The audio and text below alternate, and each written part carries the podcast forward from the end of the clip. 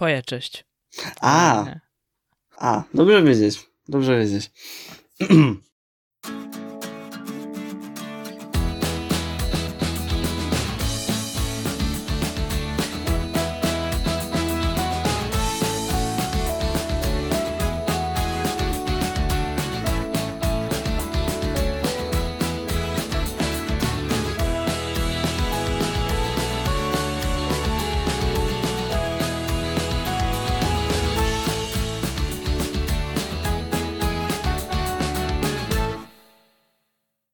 Cześć, cześć, cześć. To nowy rok już i pierwszy w tym roku, w nowym roku odcinek, a ogólnie rzecz biorąc to już 41.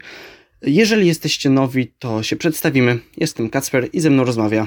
Krzyś, dzień dobry. Tak.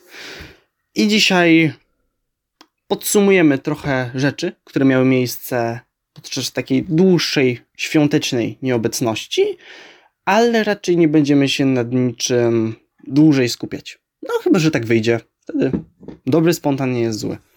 Nie było nas trzy tygodnie, szczerze mówiąc, to ja No się wiem. tego nie spodziewałem. Myślałem, że krócej to zajmie, no ale dobra, no. Wróciliśmy, jest 41 odcinek, rok 2022, trzy dwójki w jednym roku. Co to może Wow. oznaczać? Nie wiem. Nikt nie wie.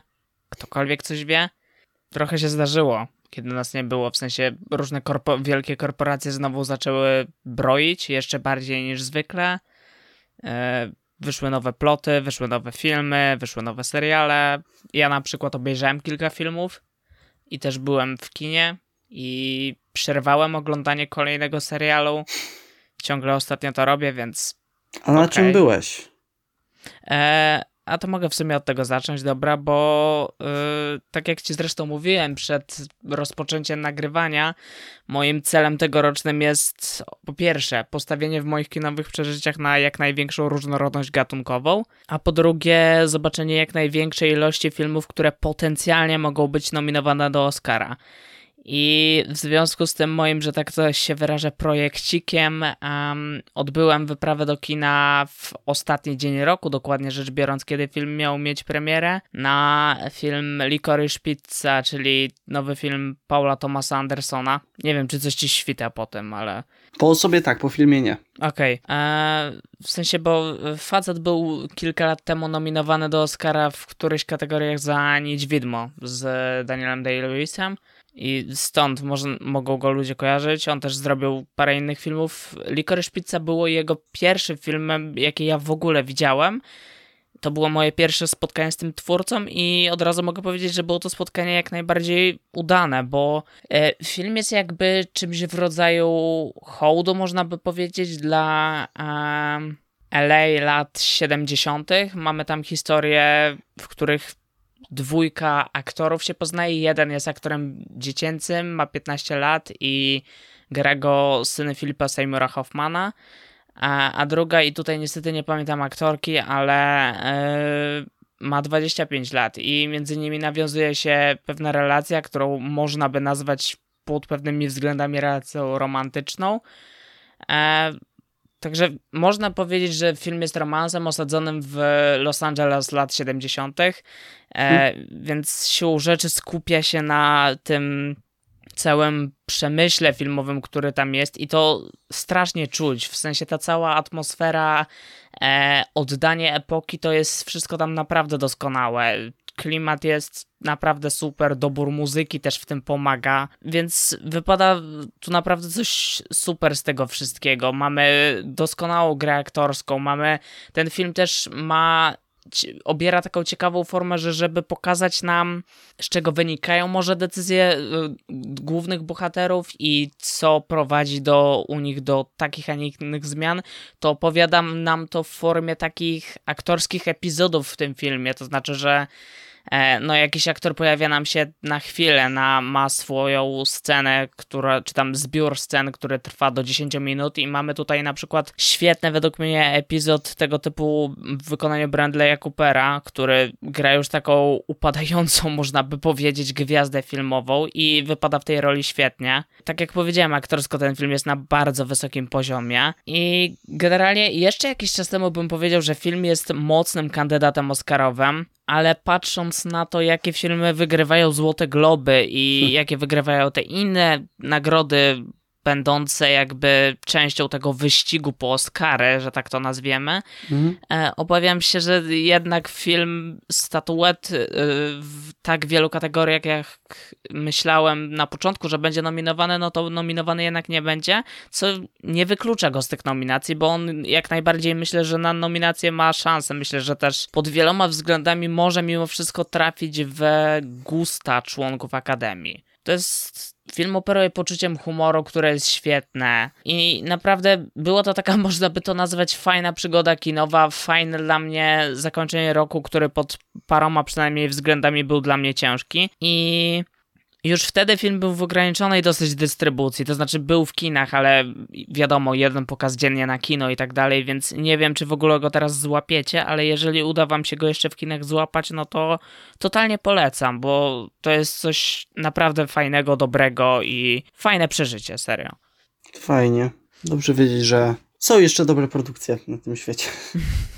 jeszcze coś produkują. Tak. To ja może, żeby podtrzymać taki filmowo-serialowy klimat, to powiem, że dwa dni temu, no dla Was już trochę więcej, e, został wrzucony zwiastun e, w, w serialu animowanego e, The Legend of Vox Machina. To Amazona jest. Mm. Bo wcześniej był już taki teaser, a teraz już taki pełny zwiastun. No i ogólnie dla niewtajemniczonych to jest to właśnie na podstawie tej jednej mm, z przygód Critical Role. Tej chyba powiedziałbym najsłynniejszej. Tak się ośmielę powiedzieć i ogólnie naprawdę coś fajnego według mnie, bo mam wrażenie, że dawno nie było czegoś tak, mm, no bo jest jakby fantazy, tak fantazy pełną gębą, ale z drugiej strony nie jest to takie fantazy powiedzmy, no wiesz, wielkie idee i tak dalej, dobro zło, tylko mamy tutaj powiedziałbym dużo bardziej przyjemność, bo mamy taką grupę po prostu sobie osób, które robią różne rzeczy, e, czasami moralnie dyskusyjne. I też od, od strony y, po prostu animacji to jest coś pięknego. Po prostu zobaczcie sobie zwiastun. To też kieruję do Krzysia, bo naprawdę jest to coś ładnego.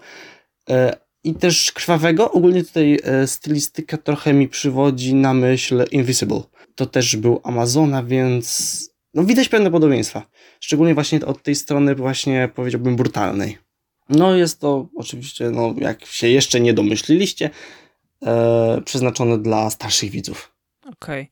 Okay. E, to jest osadzone w takim świecie bardziej tradycyjnego fantazy mimo wszystko, mimo że to nie opiera się na tym, na tej stylistyce Lotra, bym powiedział, tak to nazwijmy roboczo.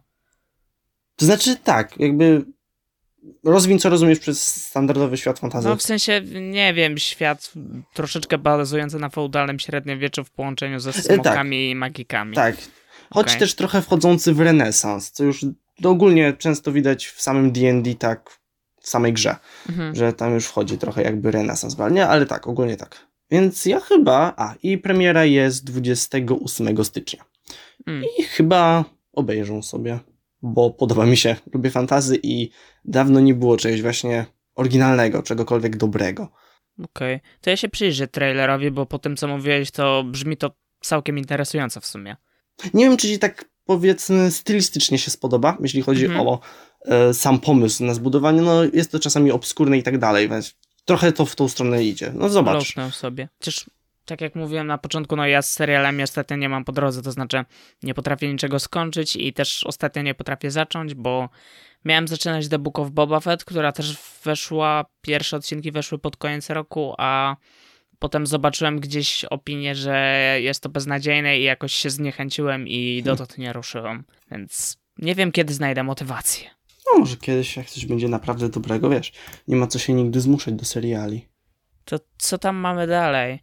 Bo jak już jesteśmy przy animacjach, to warto by wspomnieć o tym, że Disney znowu to zrobił, to znaczy znowu stwierdził, że e, hej, kolejnego Pixara wrzucamy od razu na Disney Plus bez okna kinowego, bez Premier Access, wrzucamy go w ramach abonamentu, bo tak, bo pandemia czy coś tak smutno trochę ze strony Pixara, w sensie no starają się i potem tak.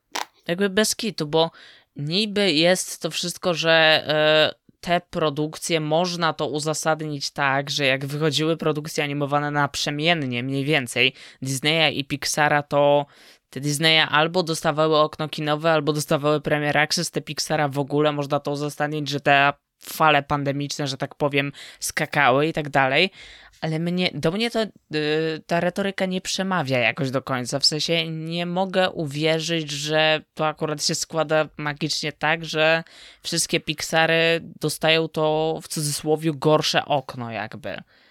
To znaczy, no, ja, ja nie mam problemu, że to idzie oczywiście na Disney Plus, ale mam problem, że nie mogę po prostu pójść do kina i obejrzeć sobie filmu Pixara. Po prostu. W sensie, jakby w Polsce, jeśli chodzi o Polskę, to yy, raczej będzie w kinach normalnie, no bo do tego czasu i tak nie dostaniemy Disney Plus. Natomiast ja się zastanawiam, jak to działa z perspektywy twórców jako takich. W sensie, czy oni dostają mniej kasy za to, jak to wynika, bo były te afery, jak mm, Disney wrzucał filmy na Premier Access, że w ramach jakichś tam umów, dzięki tym umowom Disney zgarnia na tych filmach więcej niż gdyby te filmy trafiły realnie do kin. I wydaje mi się, że zwykle jest tak, że jednak w kinach film ma, może zarobić więcej. No to jakby na streamingu nie liczy się kasa, jaką film zgarnia jako tako. To po Netflixie widać, który po tym, czy decyduje się na, nie wiem, sequel seria, e, filmu, czy następny sezon serialu, decyduje się po liczbach godzin oglądania tego tworu. I tutaj chyba wydaje mi się, że mam coś podobnego, więc jestem ciekawy, jak to wszystko ma się od strony twórców, i to mnie też trochę niepokoi, bo z każdej strony jest to dla nich trochę brak szacunku, i jestem ciekawy, jak to się realnie przekłada na ich sytuację finansową. Takie znaczy, decyzje. Wydaje mi się, że yy, przedstawia się to, to tak, że na streamingu zarobki są mniejsze, ale powiedziałbym bardziej pewne a mam wrażenie, że no w kinach jest to po prostu dużo bardziej nieprzewidywalne. To znaczy może być i dużo mniej, i dużo więcej. Tak mi się wydaje. No, zwłaszcza teraz jest nieprzewidywalne, kiedy no, pandemia, tak, tak no. A, ale tak czy siak... Nie no, tak, nie bronię, tylko tak dodaję coś od siebie. Bo że wtedy były... E, pamiętam jak w przypadku Luki było tak, że w większości krajów, w których jest Disney Plus, no to film od razu leciał na Disney Plus i miłośnicy oglądania Pixara w kinach mówili lecą do Polski oglądać najnowszego Pixara, nie ogarniając, że u nas e, filmy lecą tylko z dubbingiem. Tak. To mi też w sumie daje mimo wszystko szansę na to, żebym ten film sobie. Bo ja i tak pójdę do kina, tak, ale tak. Jed, jednocześnie nie wiem, czy wtedy będę miał jeszcze wykupionego Disney Plus, ale jak będę miał, no to jeszcze będę miał szansę, żeby sobie w oryginale zobaczyć to, co zawsze chcę zrobić, a czego nigdy praktycznie nie mam okazji zrobić. Mimo wszystko, nie wiem, to jest jakaś dziwna, niepewna sytuacja. Zastanawiam się, czy pomiędzy Disneyem a Pixarem po prostu w ostatnich latach nie wyrobił się jakiś konflikt wewnętrzny, który decyduje o czymś takim, że Disney, nie wiem, chce pokazać Pixarowi, gdzie jego miejsce, chce pokazać nad nim jakąś wyższość. Nie wiadomo o co tutaj chodzi dokładnie, to mnie martwi, e, ale nie można na tą chwilę za bardzo niczego e, potwierdzić, bo nie ma żadnych wiarygodnych danych jeszcze, przynajmniej przeze mnie znalezionych, więc więc też nie opowiadam się za tym. Mimo wszystko, no, jest to takie. To na pewno jest nie fair wobec twórców, bez względu na to, czy oni na tym zarabiają, czy nie, bo to jest. E, umówmy się, nadal nie ma czegoś takiego, że produkcja na. Produkcje kinowe jednak cieszą się nadal tym prestiżem. Z tym też się nie da dyskutować. Od tego już się odchodzi powoli, bo wiadomo, że jest to na wielu płaszczyznach głupawe, ale jednak. E, jak ten film trafia na streaming, no to tak mech trochę. Zwłaszcza jeżeli jest to Pixar. Nie wiem szczerze w tym momencie. Martwi mnie trochę ta sytuacja, niepokoi, ale tak jak mówię, no nie można niczego potwierdzić, więc tak. Turning Red leci na Disney Plus. To Polsce nie wypanda. no szkoda, to znaczy coraz bardziej mi się nie podobają różne decyzje Disneya i no coraz mniej powiedzmy rozważam zakup jak w Disney Plus, jak w końcu będzie w Polsce. Mówię, jakby Disney cały czas podejmuje decyzje wątpliwe moralnie, co w ogóle nie jest dziwne, biorąc pod uwagę, że mimo wszystko jest bezduszną korporacją, której głównie zależy na osiągach finansowych i wynikach oglądalności. To jest zrozumiałe, no na czym innym miałoby im tak naprawdę zależeć. Ale też w sumie jestem ciekawy, co jakby jak właściwie przedstawiają się takie plany kinowe Disneya na najbliższe lata, bo obser zaczynamy obserwować trend, że kiedy mówię tutaj, bo wiadomo, Disney ma teraz Foxa i tak dalej, ale to jest trochę oddzielna para kaloszy. Um, I zastanawiam mnie w sumie, yy, co się teraz będzie dziać w tym Disneyu czysto stricte kinowym, skoro spora część Marvela przerzuca się na Disney Plus, Star Wars, większość produkcji filmowych jest obecnie w zawieszeniu, e, a ten czysto stricte Disney jest zameczkiem, który opierał się głównie na wydawaniu kolejnych remake'ów w ostatnich latach, pseudo-remake'owo, sequelowo, jakkolwiek to nazwać, tworów. E, to teraz obserwujemy trend, że te twory są wrzucane na Disney Plus też od razu. Pinokio będzie tak wrzucony, który tam w drugiej połowie tego roku ma zadebiutować i zadebiutuje od razu na Disney Plus. Więc też jestem ciekawy, jak to się przełoży na to, co Disney będzie zamierzał pokazywać bezpośrednio w kinach jako tako. Hmm. No szczególnie, że mamy jeszcze do czynienia z taką sytuacją, że Marvel ostatnio się staje lepszy w serialach niż w filmach, więc Gwiezdne Wojny też w sumie jakkolwiek żyją teraz na serialach. Jakby po filmach już wiemy, których, już boją się trochę tworzyć następnych. No jejku, co, co teraz jest? Cały czas, wiesz, mamy jakieś filmowe produkcje ze Star Wars. Mieliśmy tą trylogię Taiki Waititiego, ale o niej w sumie nic nie wiadomo. Wiadomo, że Taika no, zaangażował właśnie. się w 50 różnych projektów i nie wiadomo, co się z tym człowiekiem dzieje. Mieliśmy ten film Rogue Squadron od Patty Jenkins, która w... E, przed premierą tego filmu w ogóle zdążyła trzasnąć sequel Wonder Woman, który większości ludzi nie podszedł. I być może przez to, ja nie wiem, czy ona została wyrzucona z produkcji, czy sama zrezygnowała. Nie, czekaj, ona nie zrezygnowała, tylko produkcja jest w zawieszeniu po prostu na razie. Zrezygnowała, bo ona z Gal Gadot, z kolei bardzo zabawne, miała tworzyć film o Kleopatrze i ten film został, jego produkcja została anulowana kompletnie. E, no, nie ma łatwo ta reżyserka, co mnie w ogóle nie dziwi, no bo wykazała, że niezbyt jej to idzie e, w ostatnim czasie, więc nie wiem, nie mam pojęcia. Co ze Star Warsami się dzieje? No mówię, teraz jest The Book of Boba Fett i słyszałem o pierwszych dwóch odcinkach, że są jakościowo nie bardzo. Nie, nie umiem tego potwierdzić, no mówię, nie oglądałem, bo się zniechęciłem. Nie wiem, czy w ogóle chce mi się na razie to oglądać.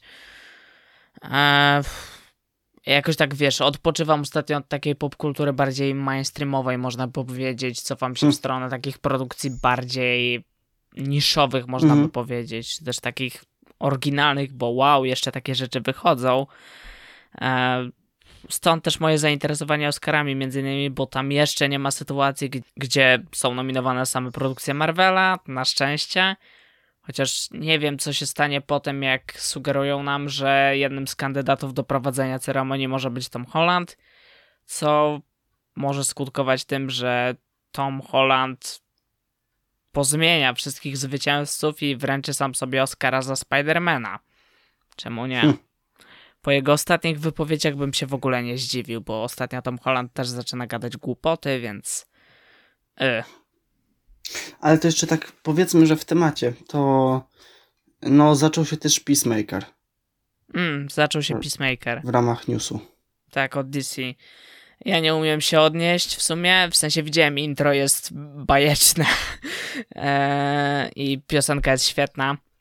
I generalnie myślę, że to mógłby być klimat, który mógłby mnie zainteresować, a jednocześnie ja nadal nie widziałem The Suicide Squad.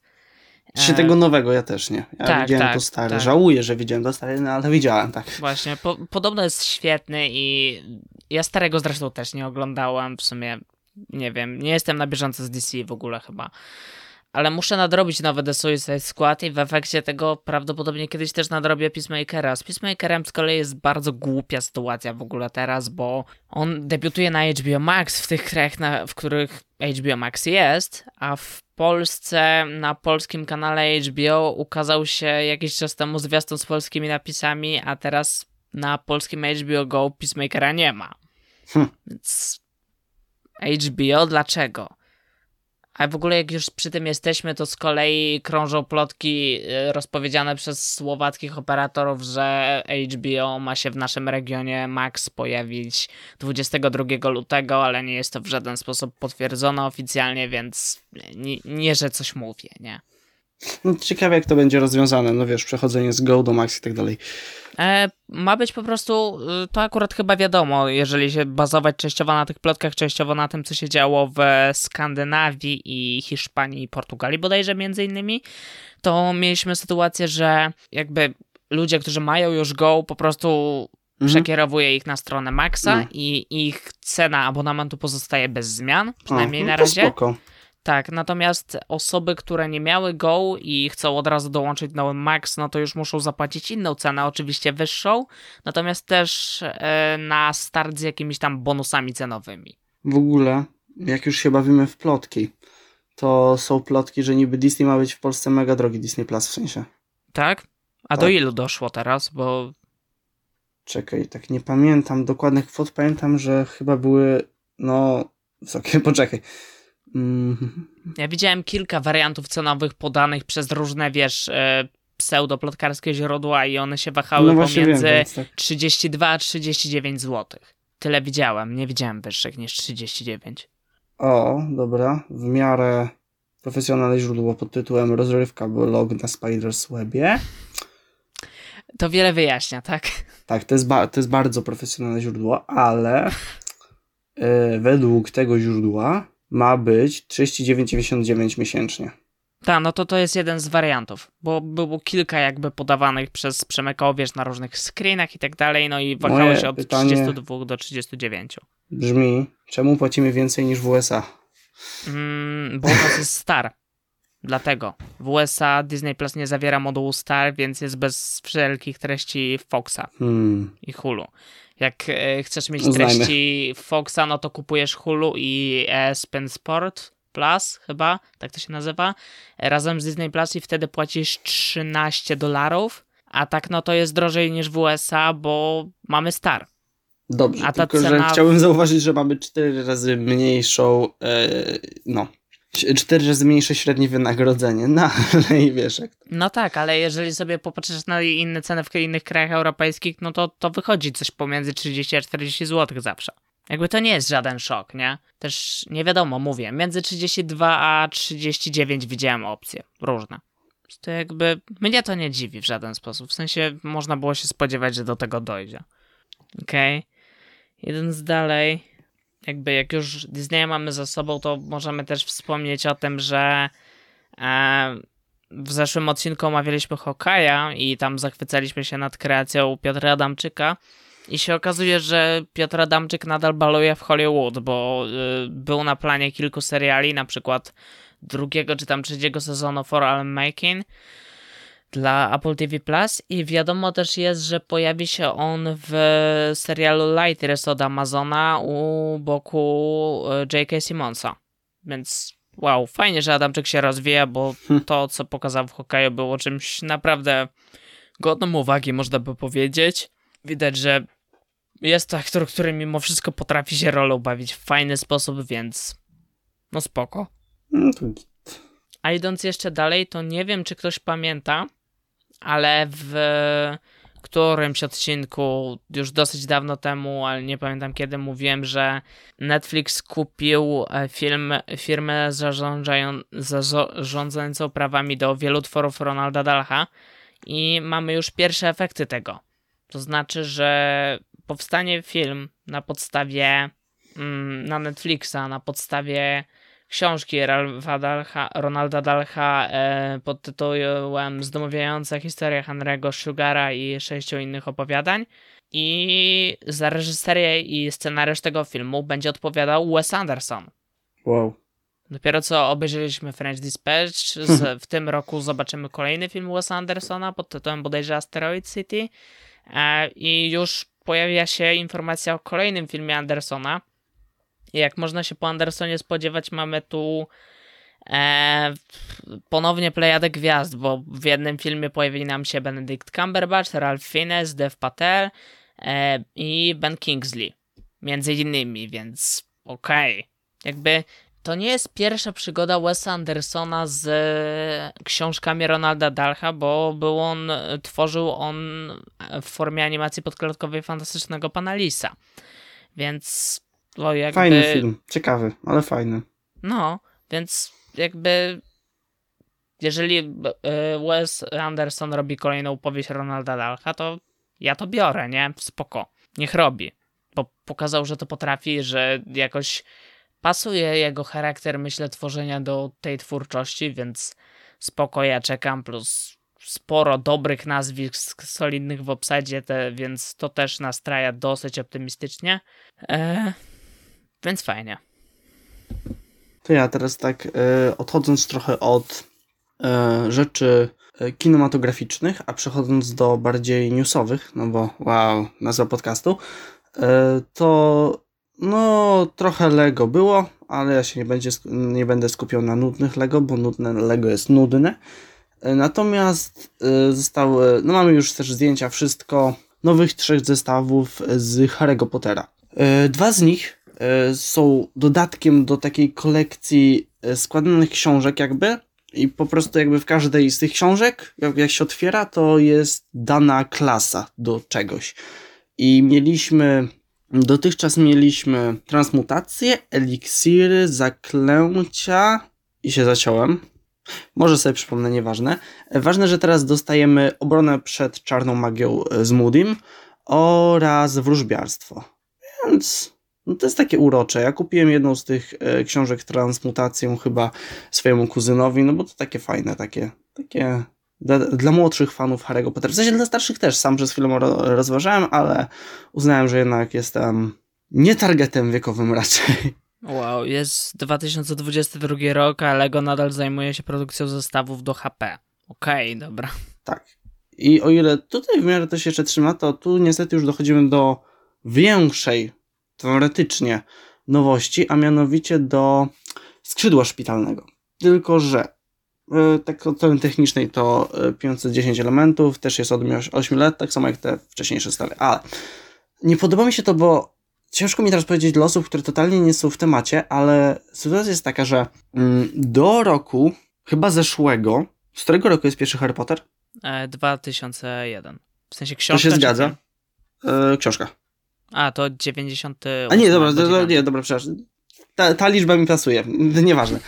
E, nie, bo chodziło, że wtedy przy filmie były pierwsze zestawy. Właśnie 20 lat temu. I właśnie w zeszłym roku z okazji dwudziestolecia, no z okazji teoretycznie, ale praktycznie to chodzi o to, że Pierwsze zestawy pojawiły się jak e, pojawiła się w kinach Zbrodnia Grindelwalda, co nie?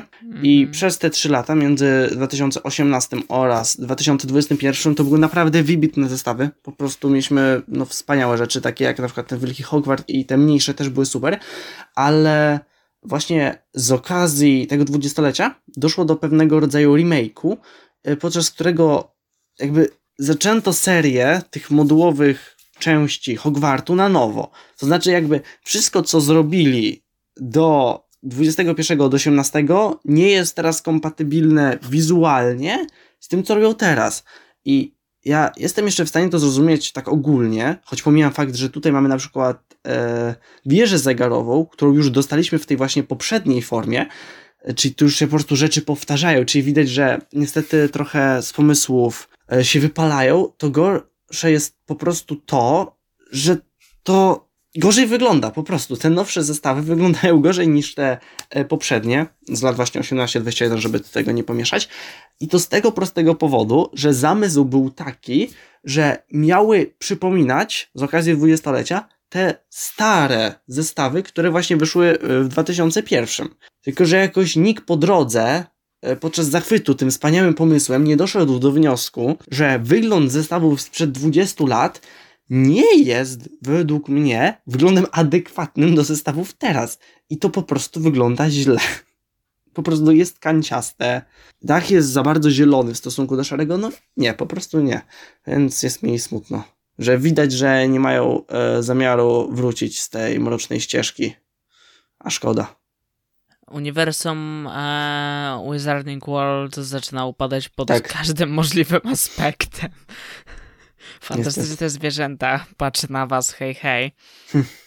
A w ogóle jak już przy tym jesteśmy, to dosłownie dzisiaj przed nagrywaniem odcinka zacząłem oglądać... Zielarstwo, ten... przepraszam. Zielarstwo z tych czterech wcześniejszych. Okej, okay, dobra. Jak już przy tym jesteśmy, to ja dosłownie przed oglądaniem tego odcinka wreszcie się zebrałem i zacząłem oglądać ten pseudo-dokument, jakkolwiek tego nie nazwać, oh, wow. co wleciał na HBO, ten mhm. 20 lat czy coś tam, nie, nie pamiętam tytułu. E, ogólnie spoko się to ogląda, jest wrzuconych co najmniej kilka ciekawych klipów, to ma taką formę, że wiesz, że za pomocą archiwalnych nagrań i rozmów aktorów do kamery i rozmów aktorów między sobą oraz producenta i wcześniejszych reżyserów e, opowiada nam się na nowo jakby całą, tak, to są takie wspominki z planu od pierwszej mhm. części do ostatniej. Na, na razie ja doszedłem w tej narracji do Zakonów Feniksa i okej, okay, spoko się to ogląda. Wiadomo, że to jest taki, wiesz, kolejny skok na nostalgię i to już to taki bardzo e, prowizoryczny, można by powiedzieć, bo tam no, nie silą się na nic, ale te interakcje między aktorami w, w, wypadają dosyć spoko. Nie, nie jest bardzo wiele momentów, w których wydaje mi się, że emocje, które okazują, są w jakiś sposób nienaturalne. W sensie to, to co mnie najbardziej drażni. Ja nie oglądałem tego odcinka Friends Reunion, który był z którym to projektem to można najbardziej porównywać, e, bo też z Friends nie jestem jakoś bardzo zaznajomiony, w sensie nie oglądałem nawet jednego sezonu w całości, oglądałem wyrywkowo odcinki na przełomie wszystkich serii i tam słyszałem takie zarzuty a propos tego odcinka, że on wy wypada dość żenująco i że jest zrobiony na siłę. Nie mogę potwierdzić, mówię, bo nie oglądałem, ale tutaj nie wydaje mi się, żeby coś było na siłę, aczkolwiek mimo wszystko nie jest to dla mnie aż tak angażujące. Ale ja też nie jestem targetem, bo ja, ja nie lubię tych skoków na nostalgię strasznie, bo ja... drażnią mnie one i są męczące po prostu, więc być może dlatego słyszałem opinię fanów, że są zachwyceni, widziałem inne opinie, że mech, ja jestem bliżej tego, że mech jednak, ale no okej, okay, jest sobie, nagrali, fajnie, nikogo to nie kosztowało raczej nic bardzo, bardzo, więc fajnie, że się zebrali. Są momenty, kiedy fajnie zobaczyć, jak po latach różni aktorzy, bo Harry Potter, co by nie mówić, jednak był takim momentem, kiedy w jedną taką bardzo popularną serię zebrano największe gwiazdy współczesnego kina brytyjskiego, co by nie mówić, więc yy, fajnie zobaczyć przynajmniej część tych gwiazd, bo tam widzimy m.in. Gary Goldmana, widzimy Helena Boham Carter, E, przynajmniej kilka osób. Y, szkoda na przykład, że już nie ma Alana Rickmana, który no, zmarł parę lat, parę lat temu, ale fajnie, że udało się zebrać przynajmniej część tych osób, a jeżeli nie udało się ich zebrać, no to przynajmniej wiesz, są nagrania jakieś archiwalne z nimi, w, nagrane wcześniej na potrzeby tego. Więc mówię, no fajnie się to ogląda. Daniel Radcliffe nadal jest tak samo irytujący jak był. Między y, Rupertem Grintem a Emma Watson za grosz nadal nie ma chemii, ale poza tym spoko. Ja nigdy nie lubiłem takich rzeczy, bo one, że tak powiem, właśnie wychodzą poza świat, powiedzmy, no przedstawiony i mhm. patrzą na niego właśnie z takiej perspektywy naszej w pewnym sensie. W sensie nigdy nie lubiłem jakoś odzierać kina z takiej według mnie magii. To takie trochę moje może skrzywienie. Nie jednak... lubiłem patrzeć za kulisy, nie, nie lubię po prostu. Mhm, o, okej. Okay. Dobra, bo dla mnie jest różnica na przykład między tym, co widzę tutaj, nie, że mam, co by nie mówić, jednak w pewnym sensie wyreżyserowane wywiady, wywiady w cudzysłowie, tak, no bo to wychodzi poza formę wywiadu, a jest różnica dla mnie między tym, a na przykład behind the scene jako takim, które ja lubię.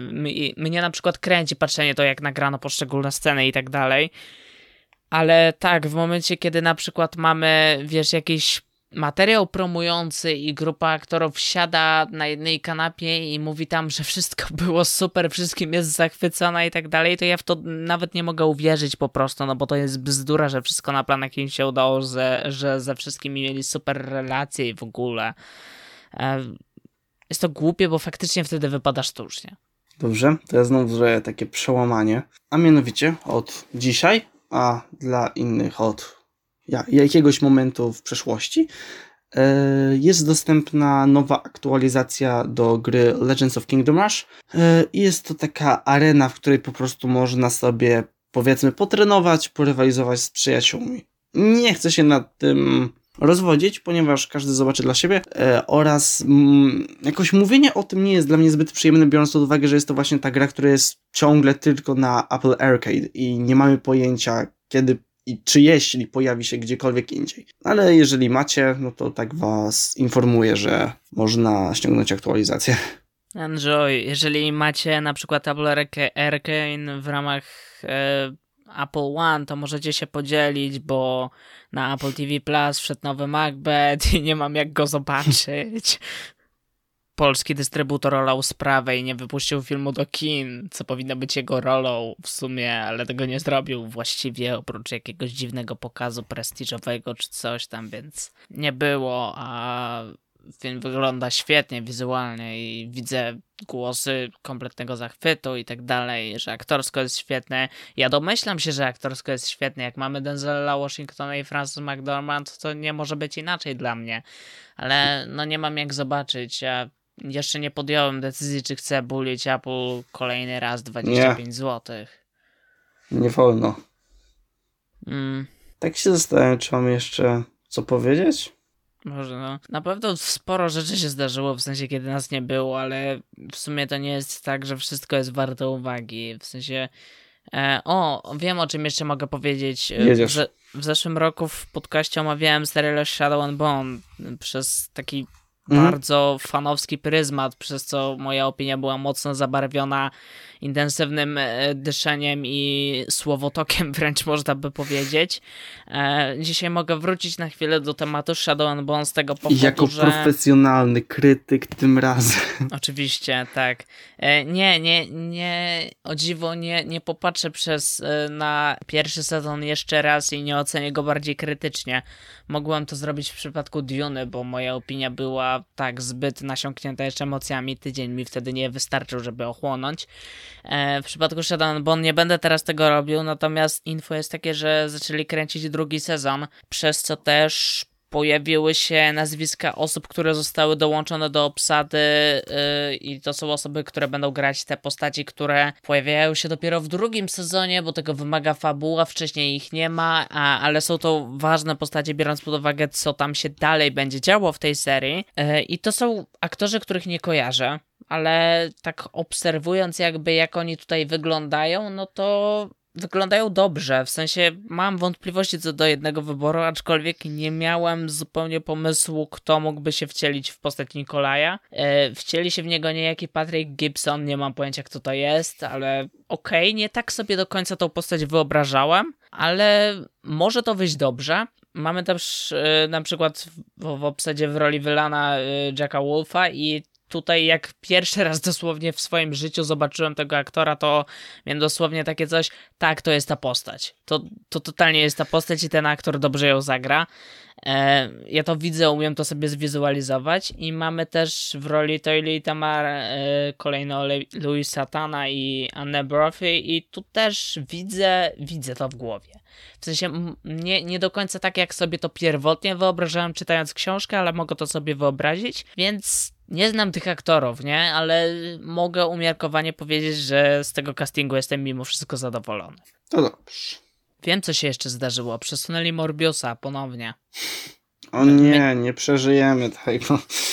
Pewnie, żeby nakręcić e, cameo z Garfieldem w roli mhm. głównej na 100% Oczywiście. to chodziło. Oraz jeszcze przy okazji z Venomem i Holandem, nie można zapomnieć. Wracamy znowu do tego tematu. No bo... Boże, ale y, wiesz co widziałem? Pamiętasz tą scenę po napisach z Into the Spider-Verse, co mamy w tej starej retroanimacji, jak te, jak Spider-Manie z różnych wymiarów wytykają się palcami, kto pierwszy kogo tryknął? E, to dzięki umiejętnościom fanów w Photoshopie zrobili, że na rusztowaniu była scena, tak, gdzie... Tak, widziałem, tak. O Chryste Panie, dlaczego musicie w to brnąć, ludzie, błagam, w sensie już dostaliście tych Spider-Manów. Tak mi się wydaje. No, nie, Mam nie taką nadzieję. Tak. jakby dostaliście ich, fajnie, że się cieszycie, spoko, no już byli, zapomnijcie o tym zaraz. To nie jest tak, że będziecie tego, do tego filmu wracać i będziecie odczuwać takie same emocje, jak na sali kinowej odczuwaliście, kiedy wokół was tysiące ludzi było. No to tak nie działa, no jakby zobaczycie, zobaczycie. Ale no okej, okay, spoko, podobało się, wiadomo dlaczego, ale no, my mamy opinię, naszą, inną, mniej fanowską, bardziej krytyczną, bardziej hejterską, można by powiedzieć. Opinię, w której po mm. mojej stronie zdrypał się dźwięk, bo uznałem, że podłączenie mikrofonu do komputera, z którym nigdy nie był kompatybilny, będzie dobrym pomysłem i ten mikrofon będzie działał, przez to są przestery i dźwięk jest okropnej jakości. W sensie, no dobra, mogło być gorzej, ale top nie jest. Tym razem będzie lepiej, obiecuję. Tak, ja tak sobie patrzę na różne recenzje i chyba jednak sobie obejrzę tego Macbeta. W sensie miałem w planach, ale... Czyli będziesz kupował Apple TV Plus? Tego nie powiedziałem. A jeszcze teraz wyszedł Hotel Transylwania 4 ileś, w sensie nie wiem, też miałeś oglądać i też... A to już nie wiem, czy mi się chce, czy jeszcze bardziej sobie chce niszczyć dzieciństwo, ponieważ mm. każdy kolejny film był coraz gorszy. Tak, to prawda akurat. Dwójka jeszcze się trzyma, a potem było... Y. I po zwiastunie tego to jest już naprawdę źle. Tak. To, to wracamy do twojej teorii niewychodzenia poza trzecią część. Tak. To jest profesjonalna teoria. Jak sam widzisz, jeżeli będzie czwarty Spider-Man, to już będzie dramat straszny. Mm, no wszystko się sprawdza. Trzy, więc... No właśnie, czyli wszystko się za bardzo sprawdza. O, czwarty tor zapowiada się dobrze mimo wszystko. Ludzie coś narzekali na te fotosy z tym kostiumem, ale ja w sumie nie narzekam. Dobrze. Wpasowuje się w ten, ten jakby ten taką kiczowatą stylistykę, która YTTM jest bardzo bliska, więc no spoko. Teraz już chyba naprawdę nie mamy nic do powiedzenia. No, w sensie myśleliśmy, że będzie więcej rzeczy, ok? Ten początek roku zwykle był pełen takich, będzie to, czeka was to, czeka was tamto, czeka was to, a w, te, w tym roku to tak pusto, w sensie, w sensie nie, to nie będzie pusty rok, tylko albo część rzeczy zostaje już zapowiedziana dużo wcześniej, albo nie są to rzeczy przynajmniej dla mnie osobiście godne uwagi, więc tak, tak to stoi w miejscu. Zrobiłem sobie listę filmów, na które czekam najbardziej w następnym roku. Nie wiem, czy ty też masz coś takiego, nie wiem, choćby w głowie, czy coś. Możemy się podzielić mniej więcej czymś takim. Chyba nic takiego nie planowałem i nie myślałem nad tym jakoś konkretnie. Hmm. To ja w sumie mogę powiedzieć, że mam na tej liście, bo sobie tak zapisałem, że mam drugą część Nice Out, między innymi. A, no dobra. Mam i z Marvela to właściwie mam tylko Tora i Spidermana, przy czym ten drugi chodzi o Spidermana Across the Multiverse, więc to jest ten od Sony. Mam z jeszcze superhero mam Batmana, mam Everything Everywhere All at Once, czyli ten film o multiversum, który może wypalić. Mhm.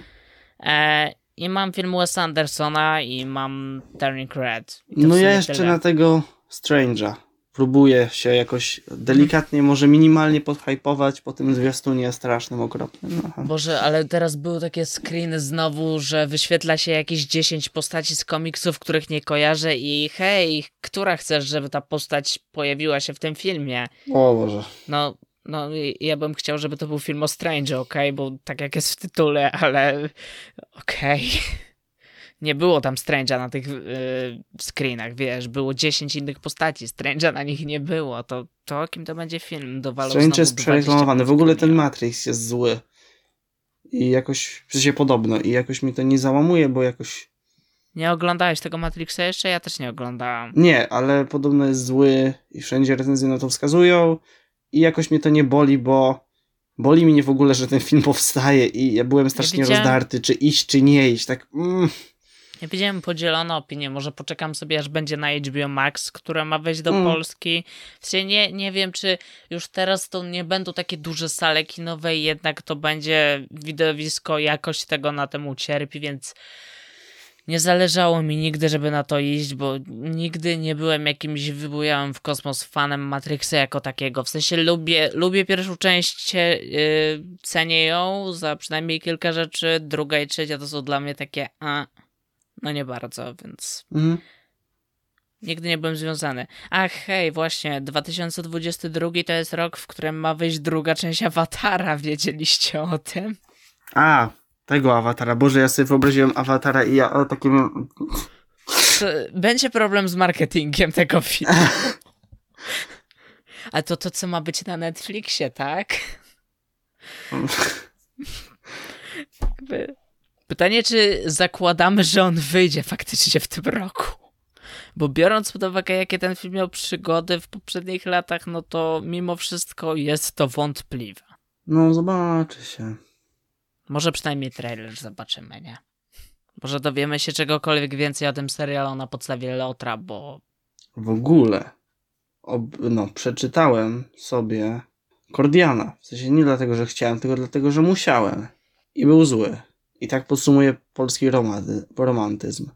to jest wysoce e, jakościowa, jakościowe dzieło literackie opowiadające o wizjach chłopaka, który lata na chmurkach. No, z tych wszystkich rzeczy Mickiewicz slash Słowackiej najbardziej mi się podobał Konrad Wallenrod. On naprawdę był okej. Słowacki jest better, jakby. Nie Dla wiem, na razie, no dobra, Balladyna, mm, to się z A- mojego doświadczenia. Lille Venade czytałeś? Słucham? Lille Venade? Jeszcze nie, nie wiem, czy A. jeszcze nie, czy w ogóle nie, ponieważ, no, że tak powiem, mam, no nie mam rozszerzonego polskiego, więc Lille Venada jest git, ale Balladyna lepsza, wiadomo, ale Lille Venada git. A poza tym tak, to jest trudny okres. E, poczekaj, aż zbliżysz się no do nadniemnem. Nadniemnem. Tak. Oj, o, o cholera. Ja się będę w pozytywizm zaraz bawił. Uhu. Ja czytam lalkę. W sensie da się ją czytać, bo nadniemnem jest niemożliwe do przeczytania, po prostu. Fizycznie jest to niemożliwe. Lalkę da się czytać, ale też mam wątpliwości. Dobra, bo zaraz zlecą nam się y, poloźniści i powiedzą, że nic nie rozumiemy z y, zawiłości polskiej literatury i że się nie znamy, jesteśmy bandą małolatów czy coś, no. Straszne. Poza tym to nie jest, że ja nie lubię polskiej literatury. Ja nienawidzę romantyzmu. Tak ogólnie. Romantyzm z każdego kraju jest zły. Oświecenie to była epoka. Bitwa epok. Tak. Taka na rapsy. Dwudziestolecie międzywojenne czy coś. Nowa Polska. Nie, dobra, koniec. Ojeny. E, dobra. To byliśmy my, Newslovers Podcast. Słuchaliście Kacpra i Krzysia, dwóch nastolatków, którzy udają, że się na czymś znają i ględzą przez godzinę o wszystkim i o niczym. A, to jest najważniejszy news. W ramach tego, czy się na czymś znamy, to moja szkoła znowu jest pierwsza w rankingu, więc ha. Czy się jednak na czymś znam? W sensie moja szkoła. Surprise, ma... What's up, dudes? You're the king of the world. Or whatever. Um, e, Marvel się stacza, Spider-Man jest zły, pozdro. Pa, pa.